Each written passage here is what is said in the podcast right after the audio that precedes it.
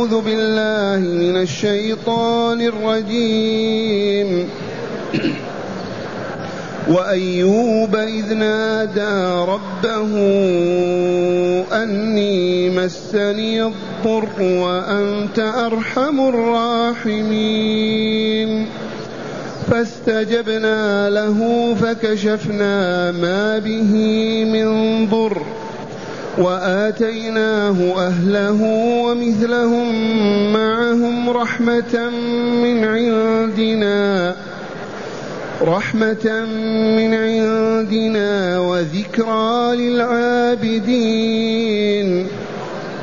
وإسماعيل وإدريس وذا الكفل كل من الصابرين. وأدخلناهم في رحمتنا إنهم من الصالحين.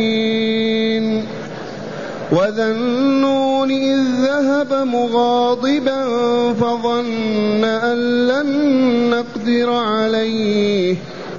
فظن أن لن نقدر عليه. فنادى في الظلمات فنادى في الظلمات أن لا إله إلا أنت سبحانك سبحانك إني كنت من الظالمين. فاستجبنا له ونجيناه من الغم وكذلك ننجي المؤمنين. وزكريا إذ نادى ربه رب لا تذرني فردا. رب لا تذرني فردا وأنت خير الوارثين. فاستجبنا له ووهبنا له يحيى وأصلحنا له زوجه. إنهم كانوا يسارعون في الخيرات. إنهم كانوا يسارعون في الخيرات ويدعوننا رغبا ورهبا وكانوا لنا خاشعين. والتي أحصنت فرجها فنفخنا فيها فنفخنا فيها من روحنا وجعلناها وابنها وجعلناها وابنها آية للعالمين أحسنت معاشر المستمعين والمستمعات من المؤمنين والمؤمنات. هذه الآيات القرآنية الكريمة تحمل العظات والعبر تراقب المؤمنين في الصالحات وتكره إليهم السيئات. فقول ربنا عز وجل وأيوب إذ نادى ربه أني مسني الضر وأنت أرحم الراحمين. أيوب ابن عيسو ابن إسحاق ابن إبراهيم جده إبراهيم.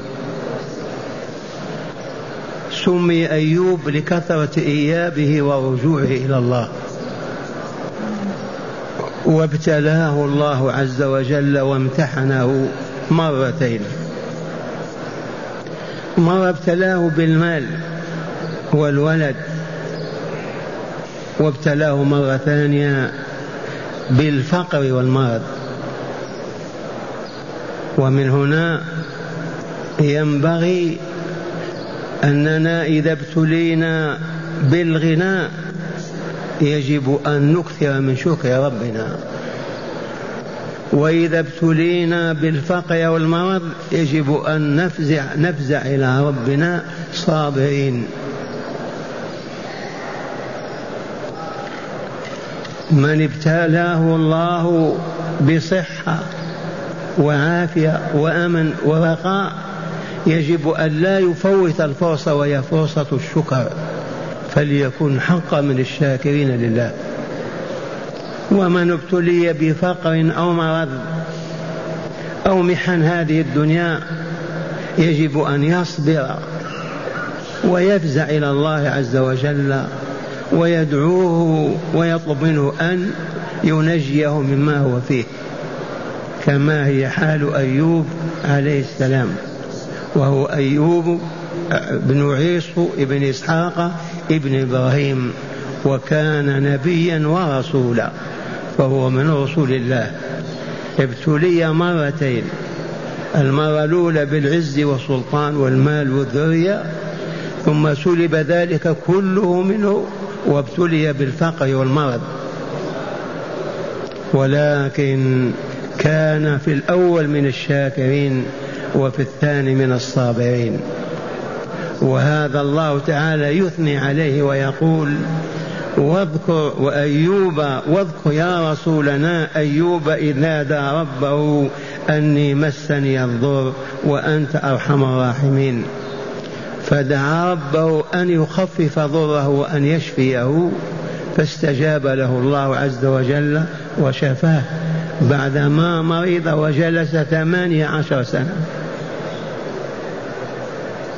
ومعنى هذا ينبغي أن نعرف أننا في دار الابتلاء في دار الامتحان. لسنا في الجنة دار النعيم. دار الابتلاء هذا يبتلى بالمرض هذا بالصحة هذا بالفقر هذا بالغنى هذا بالنصرة والتأييد هذا بالحرب والعداء. ويجب أن نكون كما أراد الله أن نكون شاكرين صابرين. إذ لا تخلو حالنا من هذين الوصفين. حال نكون فيها من الشاكرين وأخرى نكون فيها من الصابرين. ولنقتدي برسول الله وأنبياء وهذا أيوب عليه السلام إذ نادى ربه داعيا سائلا قائلا إني مسني الضر وأنت أرحم الراحمين. قال تعالى فاستجبنا له دعاءه. والدعاء محمود والدعاء مقبول والدعاء لا يتركه إلا هالك والعياذ بالله. فادعوا الله بما شئت وأكثر الدعاء وألح بالدعاء. واذكر أن الله يستجيب لك. الله عز وجل يستجيب للداعي ما لم يستعجل ويقول دعوت دعوت ولم يستجب لي. لقول الرسول صلى الله عليه وسلم إن الله يستجيب لأحدكم إذا دعا ما لم يقل دعوت ولم يستجب لي. الدعاء عبادة بل هي العبادة. الدعاء هو العبادة. فمن هنا ندعو الله عز وجل عند أية شدة أو عند أي مرض أو عند أي تعب والله عز وجل يستجيب لعباده المؤمنين. وقد علمنا أنك إذا دعوت تطلب شيئا من الله فأنت بين ثلاثة أمور بين أن يكون مطلوبك في صالحك فيستجيب الله لك فيعطيك ما طلبت وبين أن يكون مطلوبك ليس في صالحك. لو أعطاكه لهلكت به أو نزلت من علياء مكانتك. فحينئذ إن كان لك حسنة سيئات محى الله بها هذه الدعوة. فاستفدت منها أن ذنوبك غفرت بهذه الدعوة. وإن لم تكن لك حسنات سيئات رفع بها درجاتك يوم القيامة. أعيد القول. الدعاء مخ العبادة. الدعاء هو العبادة. وهذا ذنون المريض. يقول ماذا؟ ربي يا ربي إني مسني الضر وأنت أرحم الراحمين. قال تعالى فاستجبنا له. إذا الدعاء هو العبادة. والله يستجيب للعبد ما لم يعجل. ويقول دعوت ولم يستجب لي. احذروا هذا الموقف. لا تقل دعوت الله ما استجاب لي. واعلم أن الداعي المؤمن إذا سأل الله شيئا فهو بين ثلاثة أمور. بين أن يعطيه سؤاله إذا كان في صالحه وكان خيرا له لأنه ولي الله يعطيه ما طلب. وإن كان المطلوب لا ينفعه بل يضره يصرفه تعالى عنه ولم يعطه ما طلب لأنه ولي الله. ثم بعد ذلك إن كانت له مصيبة تنزل صرفها الله بهذا الدعاء. وإن لم تكن رفع الله به درجاته. وأيوب إذ نادى ربه أني مسني الضر وأنت أرحم الراحمين. قال تعالى فاستجبنا له فكشفنا ما به من ضر وآتيناه أهله ومثلهم معهم رحمة من عندنا وذكرى للعابدين. فقد كما قدمنا أولاده أزواجه ماله ثم أصيب بالمرض ثمانية عشر سنة ثم استجاب الله ورد عليه كل شيء ضاع. كل ما فاته رده إليه من زوجة وولد ومال. ويخبر النبي صلى الله عليه وسلم بأن الله أرسل إليه جرادا من ذهب فأخذ يجمعه. رد عليه أكثر مما فقد. ثم قوله تعالى وذكرى للعابدين من هم العابدون الذين يحيون على عبادة الله لا يفارقونها ليلا ولا نهارا وهم الخاشعون الخاضعون الذاكرون المطيعون لله في السر والعلن هؤلاء العابدون هذه الحادثة بذاتها ذكرى لهم وموعظة تعظهم وعبرة يعتبرون بها اللهم اجعلنا من العابدين ثم قال تعالى وإسماعيل وإدريس. أي واذكر يا نبينا والآيات كلها لتشد من عضد رسول الله وتقوي عزمه لأنه في شدة في محنة محنة في قساوة ما تطاق بين قريش. هذا يسخر وهذا يستهزئ وهذا يريد أن يقتل وهذا يريد أن يضرب. في هذا الضرب بالذات تنزل هذه الصورة لتشد من أزره وتقوي موقفه. فالله يقول له واذكر كذا واذكر كذا. واذكر إسماعيل وإدريس وذا الكفل كل من الصابرين. فإسماعيل ابن إبراهيم عليه السلام وإدريس من ذرية أيضا إبراهيم. وذا الكفل أهل العلم على أن ذا الكفل لم يكن نبيا ورسولا ولكن كان عبدا صالحا. كان يصلي في اليوم مئة صلاة. فأدخله الله في جملة الصالحين. أما إسماعيل فهو نبي ورسول وإدريس كذلك. ذو الكفل كان عبدا صالحا والله يقول كل من الصابرين. الصبر. الكل كانوا من الصابرين. ما صبر إسماعيل؟ ما تذكرون صبره كيف كان؟ بعدما أخذه أبوه من حجر أمه وذهب به إلى منى ليذبحه لغيا التي رآها. أما وضعه على الأرض والمد في يده فماذا قال إسماعيل؟ ستجدني إن شاء الله من الصابرين. الصبر حبس النفس في ثلاثة مواطن. حبس النفس على طاعة الله لا يخرج عنها أبدا. وذلك بفعل ما أمر الله بفعله وترك ما أمر الله بتركه.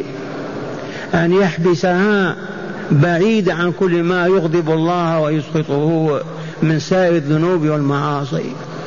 ثالثا أن يحبسها على البلاء والشدة. فلا جزع ولا سخط ولكن ابتهال ورجوع إلى الله ودعاء وسؤال. من الصابرين. ثم قال تعالى وأدخلناهم المذكورون كلهم في رحمتنا. الجنة دار السلام. لما؟ إنهم كانوا من الصالحين. فمن لم يكن من الصالحين لا يطمع في دار السلام والجنة دار الأبرار ومواكبة النبيين والصديقين والشهداء والصالحين لا بد وأن نكون من الصالحين. فمن هم الصالحون عباد الله؟ عرفتم مما سبق أن الصالح هو الذي يؤدي حقوق الله كاملة وافية لم ينقص منها شيئا. ويؤدي حقوق العباد التي تجب عليه يؤديها كاملة وافية لم ينقص منها شيئا. ذلكم والله العبد الصالح. والذي يبخس حقوق الله وحقوق عباده ذلك عبد فاسد وليس بصالح. هؤلاء كلهم يقول أدخلناهم في رحمتنا وعلل ذلك علة واضحة بقول إنهم كانوا من الصالحين. قل اللهم اجعلنا من الصالحين. ما يفوتنا أن نقول من هم الصالحون ونجيب؟ الصالح الذي لم يبخس الله حقا من حقوقه. أبدا يؤدي حقوق الله وافية بفعل أوامره وترك نواهيه ثم يؤدي حقوق الناس من أبويه وإخوته وأقاربه إلى الناس أجمعين لا يبخسهم شيئا ولا ينقصهم شيئا. ذلك عبد صالح ليس بفاسد. ثم قال تعالى وقول الحق وذا النون وصاحب النون. والنون الحوت. ذو النون وهو يونس ابن متى وجاء بيان قصته في سورة الصافات. وقصة أيوب جاءت في سورة صاد. ذنون عليه السلام نبي من أنبياء الله ورسول من رسله. وكان في قرية أي مدينة يدعو إلى الله عز وجل. وهم يعاكسونه ولا يستجيبون له فضاقت به البلاد وضاق ذرعا بالحياة وخرج من تلك البلاد. مشى إلى الساحل وجد سفينة تريد أن تقلع. فركب معهم هاربا من بلاده لأنهم ما استجابوا له أبدا يعاكسونه فملهم وأس وأيس منهم. فلما ركب السفينة قال ربانها السفينة حملها ثقيل يا عباد الله إما أن تلقوا بأحد منكم في البحر وتنجوا كلكم وإما تغرقون أجمعين. فاقترعوا القرعة فخرجت والله على يونس بن متى. فساهم فكان من المدحضين. فالتقمه الحوت. حوتة كبيرة ضخمة ابتلعته. وعاش في بطنها فترة حتى نضج لحمه. وأصبح ناضجا ثم أمر الله تلك الحوت أن تلقيه إلى ساحل البحر فتقيأته فخرج منها وأنبت عليه شجرة من اليقطين لأن ورقها طيب وظلها كامل والبعوض والذباب لا ينزل فيها ولا يكون بها حتى تماثل للشفاء. ثم عاد إلى بلده فوجدهم ينتظرونه لأنهم لما خرج عنهم ندموا. فقال تعالى وذا النون أي اذكر ذا النون إذ ذهب مغاضبا. ذهب مغاضبا لمن؟ لربه. ما من حقه أن يخرج من المدينة ويترك أهلها فليصبر كما صبر أولو العزم ولا يخرج. فظن أن لن نقدر أي نضيق عليه فنادى في الظلمات لما أصبح في ظلمات البحر والحوت والليل نادى أن لا إله إلا أنت سبحانك إني كنت من الظالمين. لا إله إلا أنت سبحانك إني كنت من الظالمين. فسمعتها الملائكة في الملكوت الأعلى وسألوا الله فذلكم عبدي أناب وتاب إلي. إذا فاستجاب الله له ونجاه من الغم. هذا ذو النون في ظلمات البحر وبطن الحوت وظلمة الليل.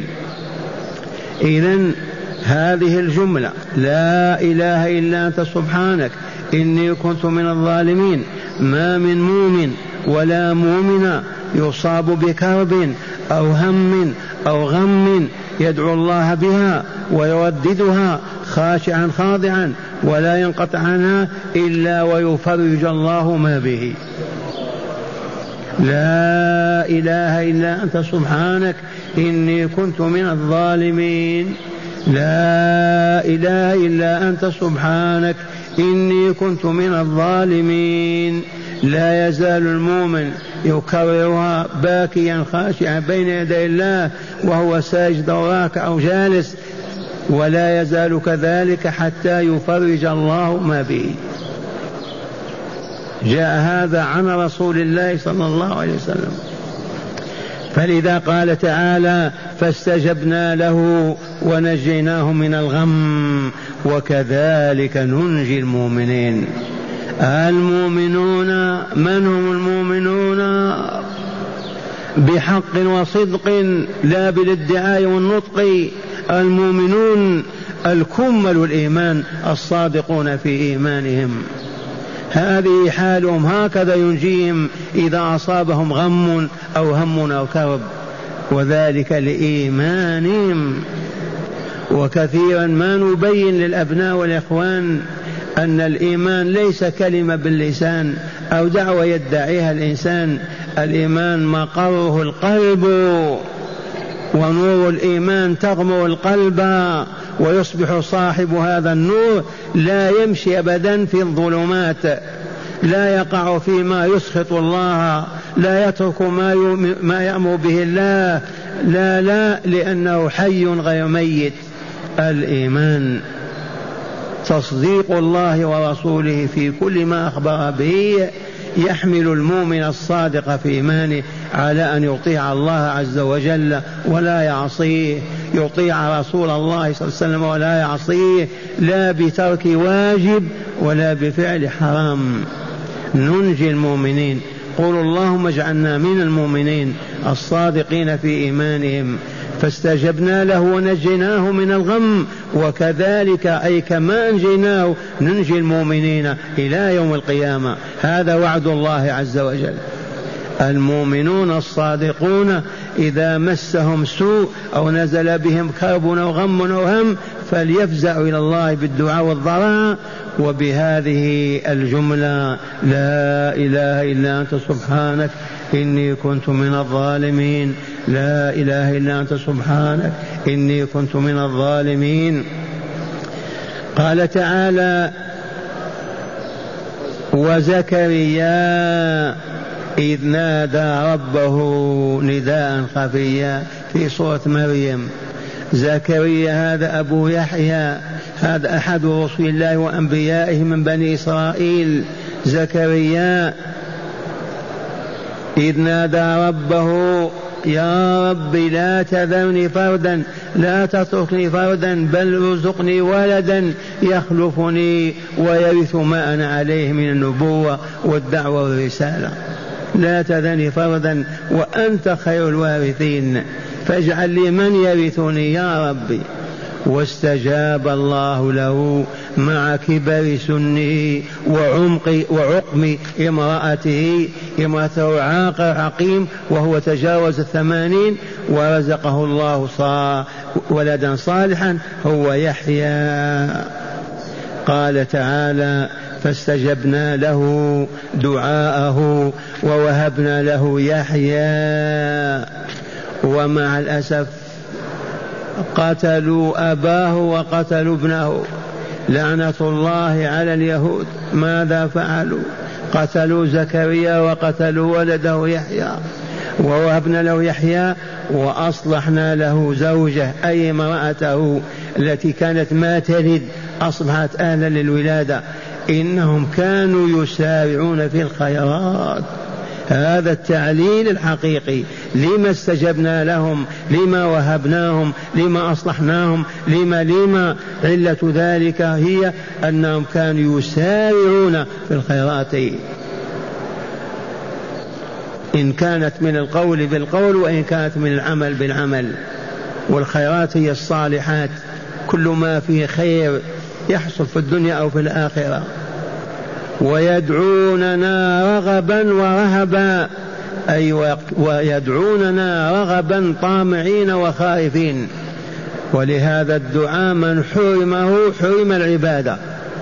من استطاع أن لا يترك الدعاء ليلا ولا نهارا فليدعو.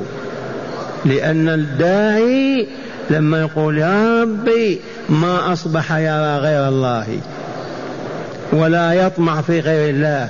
ولا يخاف من غير الله واطرح بين يدي الله يا رب يا رب يا رب أصبح من العباد الصالحين.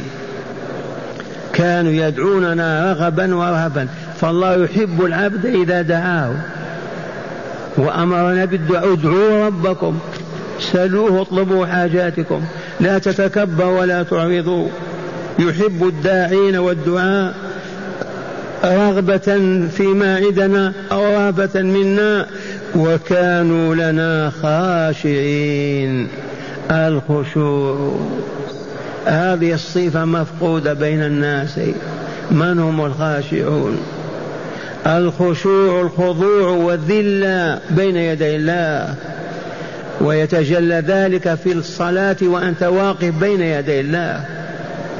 فلا تلتفت يمينا ولا شمالا. ولا يذهب قولك بعيد قولك قولك بعيدا ولا قريبا بل أنت مقبل على الله. قلبك لا يتجول من هنا أو هنا. أنت بين يدي الله وأنت في منزلك بقلبك أو في دكانك أو في عملك. الخشوع الانكسار والذل بين يدي الله يتجلى ذلك في الدموع عندما تنهمل. يتجلى ذلك في الرعديدة والقشعريرة عندما تجد تحصل والخشوع صاحبه لا يخرج عن طاعة الله. الخاشعون الخائفون من ربهم الخاضعون الذليلون له هيهات هيهات أن يعصوا الله ويتركوا عبادته وطاعته. والخاشع لا يتكبر ولا يتجبر أبدا. في انكسار ومو... في انكسار وانحطاط. وأخيرا واذكر التي أحصنت فرجها. هذا كله توجيه للرسول صلى الله عليه وسلم ليصبر على دعوة الله ويثبت عليها في مكة. والتي أحصنت فرجها من هي هذه؟ ذي مريم البتول العذراء رضي الله عنها. أم عيسى عليه السلام. مريم بمعنى خادمة الله والتي أحصنت فرجها.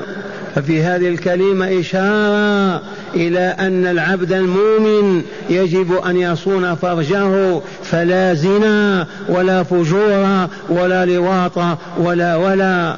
فاحصن فرجك أحصنت فرجها وحمته وصانته. فما عرفت الزنا ولا الفاحشة قط ولا تزوجت قط حتى أنجب الله منها هذا الولد بكلمة كن فكان. والتي أحصنت فرجها فنفخنا فيها جاء جبريل ونفخ في كم درعها نفخ روح فتحولت إلى ولد في بطنها في ساعة.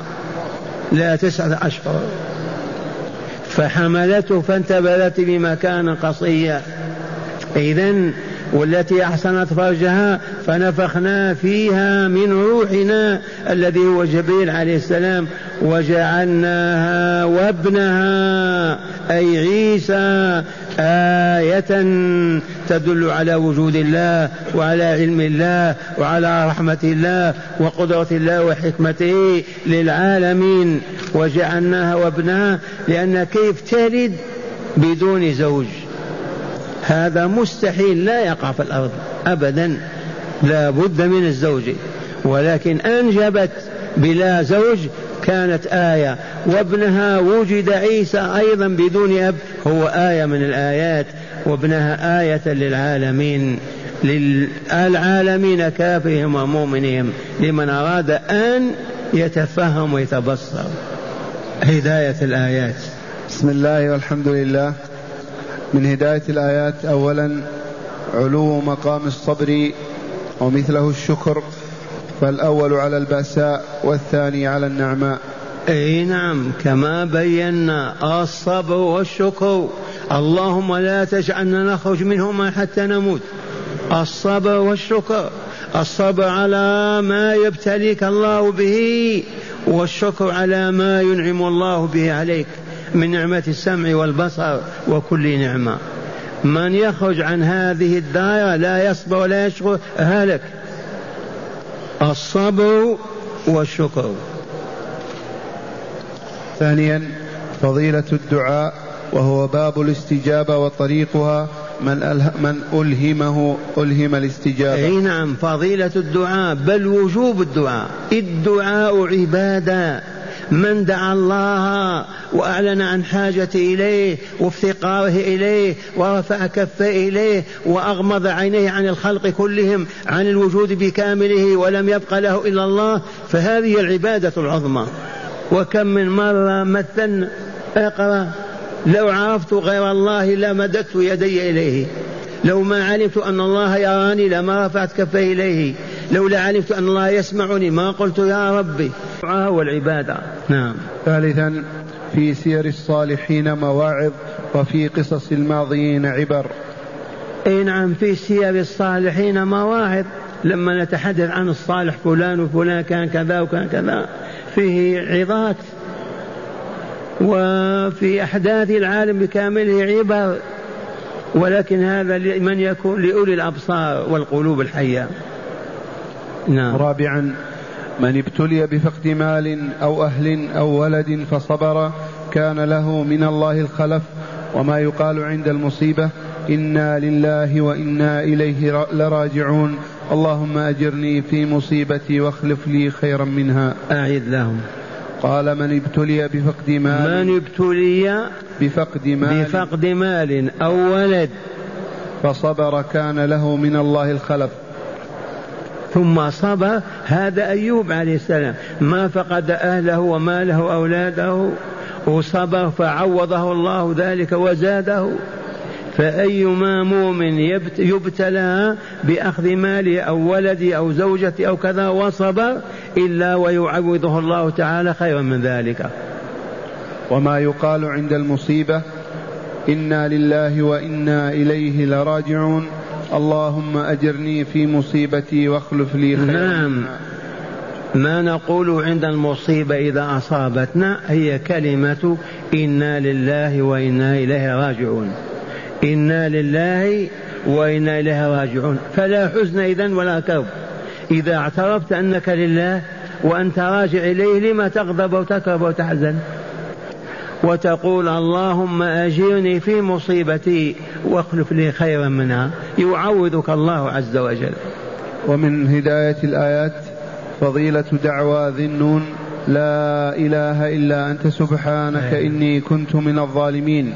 إذ ورد أنه ما دعا بها مؤمن إلا استجيب له. الله أكبر. وقوله تعالى وكذلك ننجي المؤمنين يقوي هذا الخبر. هذه الدعوة التي ذكرنا دعوة ذي النون. لا إله إلا أنت سبحانك إني كنت من الظالمين ما دعا بها مؤمن إلا استجاب الله له. لا إله إلا أنت سبحانك إني كنت من الظالمين. تدعو الله بها ليل نهار تبكي بين يدي الله يفرج الله ما بك كما فرج عن ذي النون نعم. آه ثانيا استحباب سؤال الولد لغرض صالح لا من أجل الزينة واللهو به فقط. يستحب للمؤمن أن يسأل الله ولدا لا من أجل أن يرثه في ماله وليكون خلفه في دنياه بل ليكون عبدا صالحا فزكريا سأل ربه الولد وأعطاه من أجل ماذا؟ من أجل أن يرثه في كماله وصلاحه ونبوته ورسالته فالمؤمن الصالح يدعو الله للول أن يرزقه ولدا صالحا أولادا صالحين من أجل أن يعبدوا الله عز وجل ويطيعوه. فينتفع بهم لا أن يكونوا أولادا عاملين. ثالثا تقرير أن الزوجة الصالحة من حسنة الدنيا. تقرير أن الزوجة الصالحة من حسنة الدنيا. إي والله. ربنا آتنا في الدنيا حسنة وفي الآخرة حسنة وقنا عذاب النار. فسر النبي صلى الله عليه وسلم هنا الزوجة الحسنة هنا في الدنيا الزوجة الصالحة. ربنا آتنا في الدنيا حسنة ألا وهي الزوجة الصالحة. وفي الآخرة حسنة الجنة دار السلام. رابعا فضيلة المسارعة في الخيرات. والدعاء برغبة ورهبة والخشوع في العبادات وخاصة في الصلاة والدعاء. ثلاث مسائل. أولا المسارعة في الخيرات. المسارعة في الخيرات. ما يتأخر المؤمن إذا أعلن عن خير وتسابق إليه السابقون ليكن منهم ولا يتخلف. في أي مشروع خيري. المسابقة في الخيرات والدعاء برغبة ورهبة. والدعاء رغبة فيما عند الله ورهبة فيما لدى الله. ندعوه تعالى راغبين راهبين طامعين خائفين. لا بد من الصفتين. وأخيرا والخشوع في والخشوع كما علمتم ويتجلى في الصلاة بالذات. خامسا فضيلة العفة والإحصان للفرج. فضيلة العفة والإحصان في الفرج نعم المؤمن المؤمنة تعف نفسها والمؤمن يعف نفسه فلا زنا أبدا حتى الموت. هذه مريم أثنى الله تعالى عليها بقوله أحصنت فرجها والتي أحصنت فرجها فالزنا والعياذ بالله تعالى من شر الذنوب وأقبحها وأسوأها ولا يقع فيه إلا هالك ومن ابتلي فليتوب إلى الله عز وجل ولينب إليه وليرجع إليه صابرا صادقا حتى يتوفاه مؤمنا طاهرا نسأل الله أن يتوفانا مؤمنين طاهرين سادسا وأخيرا كون مريم وابنها آية لأن مريم ولدت من غير فحل إيه. ولأن عيسى كان كذلك إيه. وكلم الناس في المهد وكان يحيي الموتى بإذن إيه. الله تعالى كون مريم وعيسى آية من آيات الله؟ نعم لأن مريم أنجبت بدون ما بعل وزوج فهي آية من آيات الله. وعيسى نفسه آية من آيات الله إذ كلم الناس في المهد. إلى غير ذلك من الآيات الدالة على أنه ولي الله وعبده ورسوله.